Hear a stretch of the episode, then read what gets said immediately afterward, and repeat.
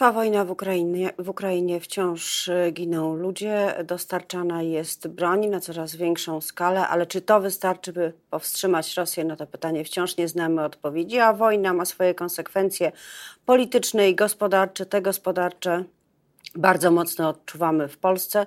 Niektórzy mówią, że y, dokłada się do tego nieskoordynowana działalność rządu. Rządu, który jest podzielony co do tego, jaką rolę Polska powinna pełnić w Unii Europejskiej, a przede wszystkim jaką rolę wobec Polski powinny pełnić unijne instytucje w zakresie praworządności. I o tym już za chwilę będę rozmawiała z moim gościem, Zuzanna Dąbrowska. Dzień dobry. A moim gościem jest e, poseł Lewicy Krzysztof Śmiszek. Dzień dobry. Dzień dobry pani redaktor i dzień dobry państwu. Mamy wakacje, ale niespodziewanie okazało się, że jest to czas, w którym Polska musi zrealizować ultimatum Unii Europejskiej ostatecznie, jeżeli chce zobaczyć na jakimkolwiek horyzoncie pieniądze z Krajowego Planu Odbudowy. Y, ten warunek jest y, niezmienny. E, czyli wykonanie e, kamieni milowych, zrealizowanie zmian, które będą prowadziły do przestrzegania praworządności albo chociaż do poprawy sytuacji. Po co Unia stawia takie ultimatum, skoro Polska do tej pory y, nie wykonała tych warunków, e, co oznacza, że chyba nie chce ich wykonać? To po co kolejne dwa miesiące? No tutaj musimy sobie rozróżnić y, dwie kwestie. Pierwsza kwestia to są e, rzeczy związane, czy zagadnienia związane z Krajowym Planem Odbudowy i realizacją kamieni milowych. Jak wiemy, jednym z, jednym z warunków wypłaty e, pieniędzy jest wprowadzenie, jest wykonanie po prostu e, wyroku Trybunału Sprawiedliwości Unii Europejskiej. Rozwiązanie, prawdziwe rozwiązanie Izby Dyscyplinarnej i nie zastępowanie jej jakąś namiastką czy siostrą siostrą bliźniaczką tej Izby, Izbą Odpowiedzialności Zawodowej, ale prawdziwe rozwiązanie kwestii postępowań dyscyplinarnych. Ale panie redaktor, tutaj mamy do czynienia z czymś znacznie poważniejszym. To znaczy te dwa miesiące, które dała nam Komisja Europejska, dotyczy innego postępowania. Czy mamy po raz pierwszy w historii rządów Prawa i Sprawiedliwości e, oficjalne e, postępowanie Komisji Europejskiej przeciwko Polsce o złamanie przez Polskę prawa europejskiego dotyczące Trybunału Konstytucyjnego. Znaczy, to jest nowy element w, w, w, tym dialogu, jak to mówi Komisja Europejska, pomiędzy instytucjami europejskimi a e, Polską. Czy nie było do tej pory jeszcze postępowania Komisji Europejskiej, w której dotknięto by temat e, zasiadających w Trybunale Konstytucyjnych dublerów? Tak, ale, e, ale polski rząd mówi, że to nie jest dialog Unii Europejskiej z Polską, tylko że to jest dyktat Unii Europejskiej, już tego, co mówi Zbigniew Ziobro, to wręcz ciężko ciężko, e, ciężko streścić, bo to jest rzeczywiście e, pokazanie szantażu, jaki na nas ma ta wspólnota europejska e, wywierać. No z czego wnoszę, że te dwa miesiące są niepotrzebne, bo i tak nie, niczego nie zrobimy. E, no tak, e, to są oficjalne procedury. Te dwa miesiące to jest e, czas, który zawsze jest dawany każdemu państwu członkowskiemu na przedstawienie planu wyjścia z, z konkretnego problemu. Ale mamy dzisiaj, do, i to była ocena prawna, ale ocena polityczna jest następująca, moja. No, mamy dzisiaj do czynienia z zaostrzającą się retoryką antyunijną i to zarówno Jarosława Kaczyńskiego, jak i no, Zbigniewa Ziobry, to, to, to już znamy tę antyunijną retorykę. I mamy tak naprawdę przejęcie języka Ziobrowego przez Jarosława Kaczyńskiego. Znaczy Jarosław Kaczyński chyba się zorientował, że Zbigniew Ziobro kradnie mu popularność, kradnie mu jakiś, e, jakąś część jego wyborców. E, e, Zbigniew Ziobro, posługując się absolutnie skandalicznym, niedopuszczalnym językiem w, w stosunkach międzynarodowych, międzynarodowych, gdzieś tam mości się na tym prawicowym poletku i pokazuje to ja jestem jedynym prawicowym, prawicowcem, prawdziwym prawicowcem, który nie będzie się Unii Europejskiej kłaniał. Więc dzisiaj Jarosław Kaczyński chyba się zorientował, że jest, no, że Zbigniew Ziobro zachodzi go od prawej flanki e, i próbuje mm, razem z, z, ze Zbigniewem Ziobro mówić jednym językiem, ale to ma skutki katastrofalne i to będzie miało katastrofalne skutki, bo po pierwsze, tego typu retoryka e, również pojawiała się przecież w Wielkiej Brytanii przed Brexitem. Dodajmy, ja dodajmy panie pośle, e, przypomnijmy te słowa. Chodziło o to, co podczas jednego ze spotkań powiedział prezes Prawa i Sprawiedliwości. No dosyć tego dobrego, Unia już E, no mówiąc w skrócie, za bardzo nas do tej pory wykorzystywała. No, no tak, znaczy, oczywiście musimy też pamiętać o jednej, e, o jednej grze, którą zawsze uprawia Jarosław Kaczyński, to znaczy na potrzeby wewnętrzne jest antyunijnym e, e, no, takim rycerzem, z drugiej strony ciągle chce pozyskiwać pieniądze z, z, tej, z tej wrażej, wrażej Brukseli, ale musimy pamiętać o jednej rzeczy, że ta, ta retoryka, antyunijna to nie, jest takie, to nie są takie słowa rzucane na wiatr.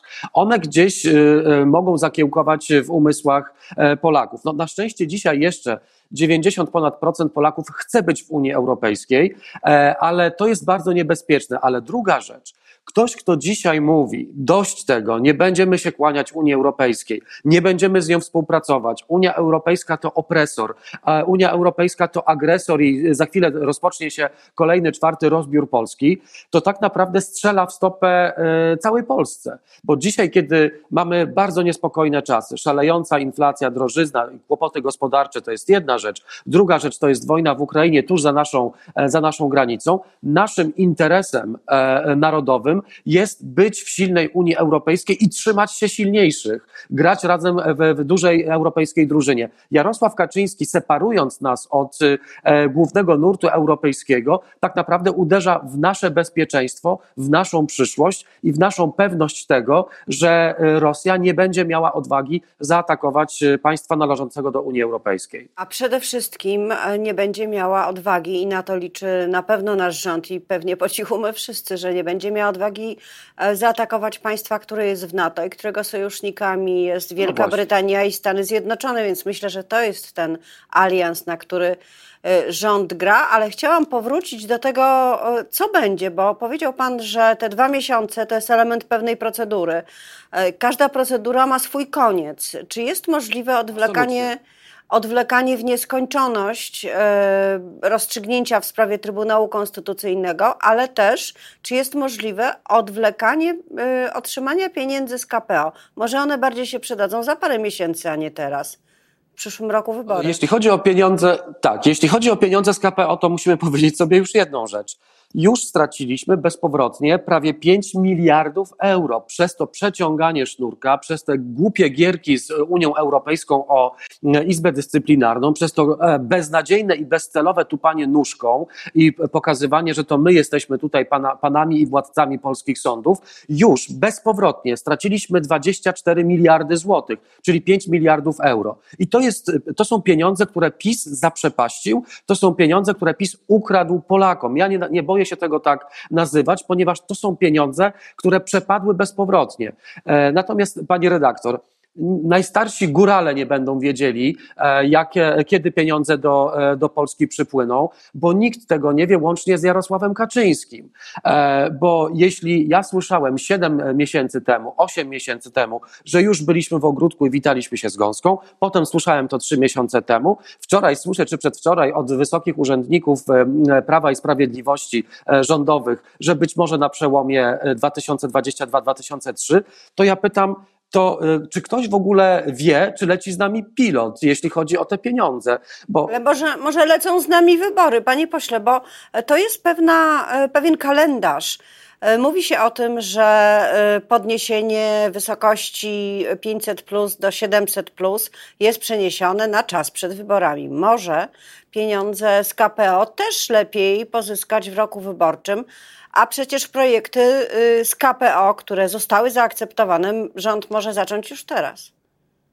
No, rząd już zaczął prefinansowanie tych projektów, tylko może się bardzo mocno zdziwić, jeśli nie dostanie zwrotu pieniędzy na, e, na te projekty. Pani redaktor, mamy jedną bardzo prostą sytuację. Nie mamy praworządności. Izba dyscyplinarna, o którą była cała bitwa i przez co Prawo i Sprawiedliwość zamroziło Polakom pieniądze, nie spełni ta nowa, no, nowe jej wydanie, ta siostra bliźniaczka, e, nie spełni tego zadania i mamy już, mamy już mocne stwierdzenia z Komisji Europejskiej, wysokich przedstawicieli, na przykład Wiery Jurowej, odpowiedzialnej za praworządność w Unii Europejskiej, że Izba Odpowiedzialności Zawodowej to nie jest to, czego oczekują od nas instytucje europejskie. Więc ja pytam, gdzie e, Prawo i Sprawiedliwość ma, e, gdzie widzi interes Polaków? Czy widzi interes Polaków w tym, że będziemy mieli jakąś kolejną izbę odpowiedzialności zawodowej, w której grzebać będzie także pan prezydent i będzie w ostateczności miał ostateczne zdanie, kto w niej będzie zasiadał? I być może zdarzyć się tak, że, e, że będą tam zasiadali także ci, którzy nie mogą tam zasiadać, czyli neosędziowie, przebierańcy w togach,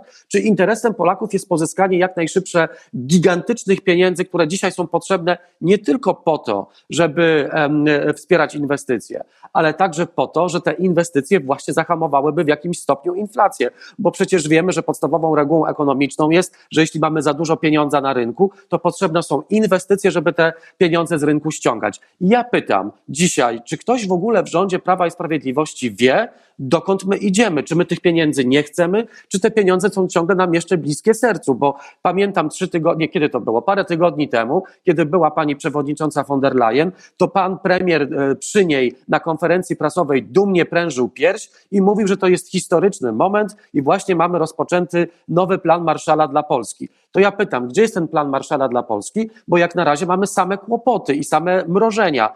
I pani, tak na jeszcze podsumowując tę część rozmowy, ja mam takie wrażenie, pani redaktor, że Prawo i Sprawiedliwość już tych pieniędzy za bardzo nie chce.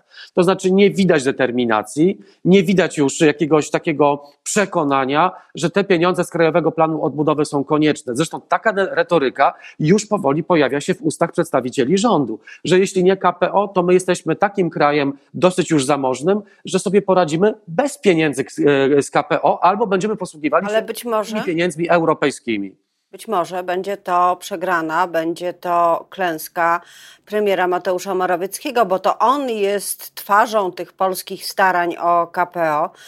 To on jest autorem głównym planu, który został zaakceptowany i którego, jak mówi Zbigniew Ziobro, nie dano do czytania wszystkim, którzy powinni e, go przeczytać. A wtedy, jeśli przyjdzie taka, taka klęska, no to wtedy premiera trzeba będzie zmienić, może na przykład wiosną. No, e, mówi się już, że, że na, na, korytarzach sejmowych plotki oczywiście e, e, są, przebiegają z prędkością światła, ale mówi się już o tym, że być może nawet na jesieni Jarosław Kaczyński rozpocznie nowy sezon polityczny dużym, z dużym przytupem i pan premier Morawiecki pożegna się ze swoim stanowiskiem, bo dzisiaj widać, że te wszystkie kłopoty. I to nie tylko z pozyskaniem pieniędzy, e, z praworządnością, ale przede wszystkim e, biedy coraz większej, inflacji, drożyzny, że, że Prawo i Sprawiedliwość musi znaleźć winnego no bo tak zawsze jest, że kogoś z tych stań trzeba e, zrzucić, a przedtem trzeba znaleźć tę winną osobę e, wszystkiego, e, wszystkich kłopotów. I dzisiaj tak naprawdę desperacko widać, jak, czy, czy, czy widać, jak desperacko premier Morawiecki próbuje jeszcze uciec tej gilotynie pod tytułem dymisja premiera rządu i próbuje jeszcze gdzieś w ostatniej chwili przyjmować programy, które mają ulżyć Polakom. Ale widać już ewidentnie, że Prawo i Sprawiedliwość szuka następcy Morawieckiego. Prawo i Sprawiedliwość też widzi, że społeczeństwo coraz bardziej męczy się e, z e, premierem Morawieckim. Jest coraz więcej kłopotów. Dzisiaj, jak czytamy w Rzeczpospolitej, e, zaufanie do rządu jest na najniższym historycznym poziomie. Też Polacy coraz bardziej nie ufają temu rządowi i po prostu boją się o swój byt, więc trzeba znaleźć kozła ofiarnego. I tym kozłem ofiarnym będzie, no pewnie też nie bez przyczyny, pan premier Morawiecki, a tam już y, e, za plecami pana premiera Morawieckiego wielu już ostrzy szabelki i już poleruje ostrogi, żeby w te buty prezesa Rady Ministrów wejść. No mówi się oczywiście o panu e, e, ministrze Błaszczaku. To jest człowiek, który no, jest wierny prezesowi, jest wierny, jest wierny od zawsze polityce Prawa i Sprawiedliwości, wcześniej porozumienia centrum. Ale Więc... ostatnio za dużo nie mówi. Panie pośle, może to, może to rzeczywiście to może, świadczy to o tym, że. Zaleta. Właśnie. E, zaleta, bo dzisiaj pan premier za dużo mówi i za dużo obiecuje i naj, najczęściej nie dowozi. E, popatrzmy na sprawę węgla. Miało być, miał być węgiel, węgiel po 900 zł i każdy miał dostać 3 tony. Dzisiaj ktoś, e, dzisiaj ktoś, kto chce kupić węgiel, być może dostanie 3000 zł na coś, co nie istnieje, czyli na, na nieistniejący węgiel na rynku. I tych kłopotów premiera Morawieckiego jest coraz więcej. Zbiera się taka, taka kubka zarzutów na, na biurku pana prezesa prezesa Kaczyńskiego i kiedyś trzeba będzie, tak pewnie prezes Kaczyński myśli, zastąpić e, człowieka, który staje, się coraz większym obciążeniem dla Prawa i Sprawiedliwości, a nie, a nie zyskiem, na jaki liczył e, Jarosław Kaczyński. No tak, ale jedna osoba, która jest już winna w oczach Polaków, o tym mówią sondaża, sondaże inflacji, wysokich stóp procentowych, czyli prezes Glapiński, który rzeczywiście chyba zgodził się trochę na to, żeby być takim odgromnikiem dla, dla rządu, daje, daje twarz, daje swoją pozycję do tego, by bronić tego, co się dzieje w gospodarce. Wcale z sań nie został wyrzucony, tylko w najlepsze w tych saniach pod baranicą dalej mknie, e, ponieważ ma zapewnioną kadencję i mimo tego, co mówi Donald Tusk e, i Tomasz Siemoniak, że będą będzie wyprowadzany z NBP, no to y, chyba małe są szanse na to. No, małe są szanse, żadne są, są szanse teraz. Natomiast y, y, są oczywiście opinie prawne, które mówią, e, że y, pan prezes Glapiński no, bezprawnie zasiada na stanowisku prezesa Narodowego Banku Polskiego, ale to są y, dywagacje i powiedzmy interpretacje przepisów przez prawników. Natomiast rzeczywiście jest tak, że e, twarz porażki musi być jedna i twarzą porażki e, coraz, i coraz większego wkurzenia wyborców, a, ale także nawet nie wyborców, po prostu Polaków, e, staje się premier, premier Morawiecki. Dzisiaj Jarosław Kaczyński otacza się, zresztą zawsze to robił, najwierniejszymi, którzy nigdy go nie zdradzą, którzy nie będą prowadzili swojej polityki. I prezes Glapiński jest właśnie takim człowiekiem, który będzie dosypywał do budżetu państwa dywidendę z Narodowego Banku Polskiego. Przecież mówi się o kilkudziesięciu miliardach, które mają wpłynąć z NBP do budżetu państwa, to jest gigantyczny zastrzyk gotówki, e, e, który może w jakiejś części zastąpić krajowy plan e, odbudowy, pieniądze z Unii Europejskiej. Więc Glapiński jest chroniony, ponieważ Glapiński siedzi po prawicy Jarosława Kaczyńskiego i będzie realizował politykę monetarną Prawa i Sprawiedliwości. Premier Morawiecki natomiast dzisiaj łapie ostatni oddech. Nie ma już tak naprawdę dużego wsparcia. Widać to też na sali sejmowej, gdzie tak naprawdę przysiada się od czasu do czasu tylko do wybranych kilku posłów. Mówi się, że ma maksymalnie dziesięcioosobowe zaplecze w tym ponad 200-osobowym klubie Prawa i Sprawiedliwości. Zatem jego pozycja e, systematycznie e, słabnie i to on dzisiaj będzie zrzucony z tych sali. Panie pośle, to na koniec, e, żeby nie było tak wygodnie dla pana jako przedstawiciela opozycji, krytykowaliśmy czy rozmawialiśmy o krytyce Prawa i Sprawiedliwości. To proszę powiedzieć w skrócie, ale dobrym hasłem, E, w tej sytuacji gospodarczej, przy tej inflacji, e, spadku, może jeszcze nie spadku, ale zahamowaniu dynamiki e, płac, dzisiaj będzie kolejny komunikat w tej sprawie. Jaki skrót, jakie hasło, jaką propozycję będzie mieć lewica dla ludzi w tym no, niewyborczym roku, ale przedwyborczym roku, kiedy już właściwie de facto zaczęła się kampania? No, hasło jest jedno i z tym hasłem jeździmy po, e, po małych miastach i miasteczkach od e, wielu tygodni jako politycy lewicy. To jest bezpieczeństwo. Dzisiaj, pani redaktor, naprawdę proszę mi uwierzyć, ja kilka dni temu byłem w Bełchatowie, Tomaszowie Mazowieckim, Sielpi, Skarżysku Kamiennej, spotykaliśmy się z Polakami, Polkami na rynkach, targowiskach i wszyscy mówili tak, Panie pośle, nie czuję się bezpiecznie ekonomicznie już w Polsce. Nie czuję się, nie czuję, że moja rodzina jest bezpieczna w, w naszym kraju. Nie czuję, że rząd zapewnia mi bezpieczeństwo. Bezpieczeństwo będzie dzisiaj e, i przez najbliższe miesiące e, przewodnim hasłem lewicy, bo dzisiaj tego bezpieczeństwa jest jak na lekarstwo. Bardzo dziękuję. O Prawie i Sprawiedliwości oraz o bezpieczeństwie rozmawiałam z posłem Lewicy Krzysztofem Śmiszkiem. Miłego dnia. Dziękuję serdecznie, pozdrawiam.